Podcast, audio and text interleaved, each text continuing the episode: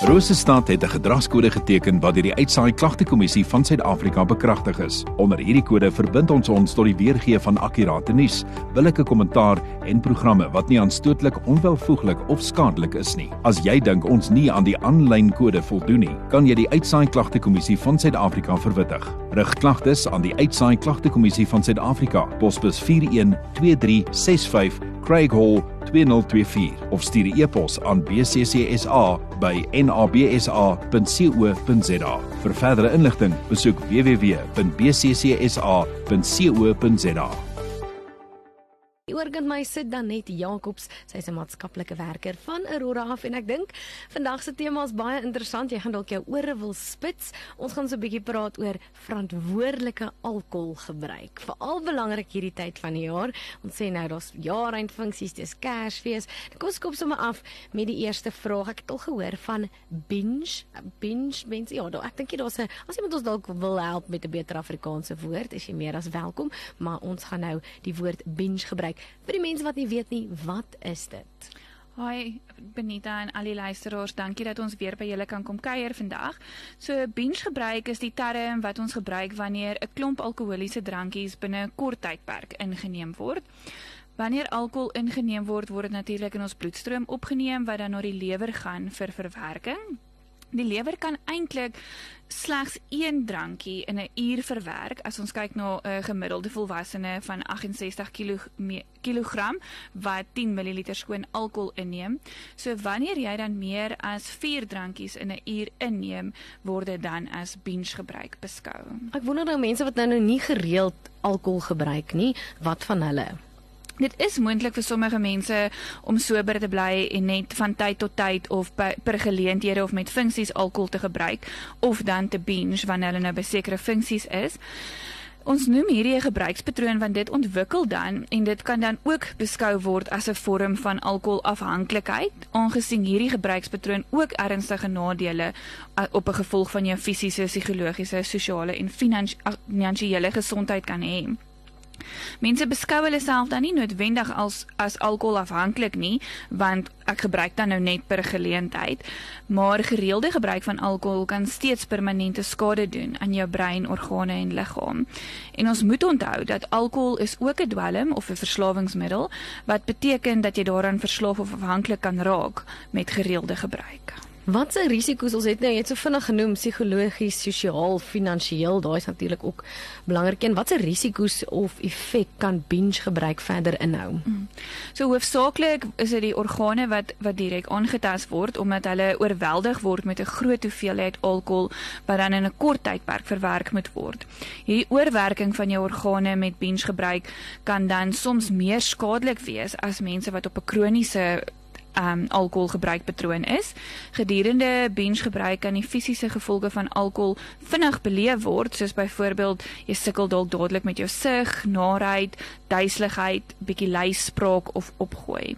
Hierdie aanhoudende gebruik ten spyte van jou simptome kan dan lei tot alkoholvergiftiging. So gesels dan net Jacobs maatskaplike werker van Aurora. Ons gesels 'n bietjie oor die verantwoordelike gebruik van alkohol en net na Joshua die reën met stranddans, dan gaan ons ook verder gesels oor die wettige limiet, limiet wanneer jy bestuur en ons gaan ook vir jou sê wat kan jy doen in 'n noodgeval of as jy dink iemand het dalk alkoholvergiftiging. Ons. Dit is so 20 minute voor 10 op Brose stad 100.6 FM. Ek het dan net Jacobs, maatskaplike werker, gesels so 'n bietjie oor die verantwoordelike gebruik van alkohol. Nou kom ons gaan volgende vraag hier op die lysie is wat is die wet? Dis 'n belangrike een, so spits jou ore. Wat is die wettige limiet vir alkohol wanneer jy bestuur? Ek dink dit is belangrik om te onthou dat jou bestuursvermoë word alreeds aangetast na een drankie, maar die wetlike limiet is 0.24 mg per 1000 ml vir alkohol in jou asemhaling, soos wanneer hulle 'n breathalyzer toets doen, of dan 0.05 gram per 100 ml alkohol in jou bloed wanneer bloed getrek word. Dit is amper gelykstaande aan een 350 ml bier of een serving of as ons nou praat van 'n tot brandewyn of uh, ander alkohol. Dis al drink jy slegs een drankie, kan jy reeds oor die limiet wees. 'n Maklike manier om ook te onthou is dat twee drankies in 'n kwessie van 1 uur jou alkoholvlak reeds oor die limiet kan sit en dan dat elke drankie wat jy daarna drink, die limiet onderhou of verhoog. Ek dink dit is dalk veilig om te sê dat die persoon wat bestuur vir daai vir die aand moet dalk glad nie glad nie drink nie. Dis dalk die veiligste. Watter riglyne sal jy sê is daar om van alkohol verantwoordelik te gebruik? Ehm um, verseker en ek dink dit wat jy nou net gesê het is om seker te maak dat daar is iemand wat nie drink nie, wat verantwoordelikheid kan vat vir die die groep of die bestuur. Ehm um, natuurlik ook om nie alkohol te gebruik as jy nie onder die wettige ouderdom van 18 jaar is nie. Uh, ons raai aan dat jy glad nie alkohol gebruik as jy nie gesond voel nie of nie genoeg gerus het nie. Geen alkohol saam met enige tipe medikasie nie. Moenie drankies iewers los sonder toesig of dit meng met allerlei ander tipe alkohol nie. Maak seker dat jy altyd eet voordat jy gaan alkohol gebruik en terwyl jy alkohol gebruik. Hou rekord van hoeveel drankies jy drink.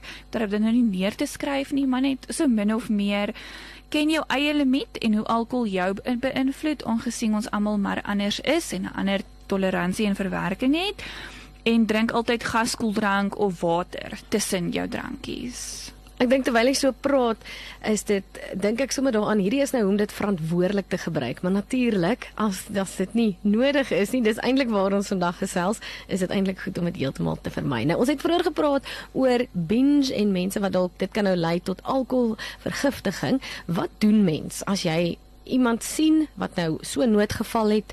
Waar kry mens hulp? Wat is die stappe? Die eerste is dit belangrik om die tekens te ken. Van die tekens kan ins, insluit dat mense onbewus is van wat om hulle aangaan of halfpad onbewus is, deur mekaar stadig asemhaal. As ons praat van stadige asemhaling, is dit 8 of minder in asems per minuut. Hulle kan koud of bleek of kalm wees op hulle gelaat. Hulle kan begin opgooi of styptrekkings kry. In so 'n geval is dit baie belangrik om dadelik mediese hulp te kry en as dit vir jou moontlik is om dan die persoon na die naaste hospitaal te neem of dan 'n ambulans te skakel.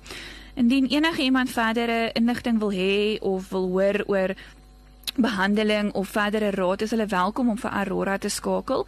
Ons nommer is 051 447 4111 en dan het ons ook 'n WhatsApp lyn 071 9330218. Danet Jacobs van Aurora, Danet baie dankie vir jou insiggewende inligting so hier op hierdie Vrydagoggend en ek dink dit is goed dat almal net weer bewus is van hierdie riglyne soos wat jy dit nou vir ons deurgegee het.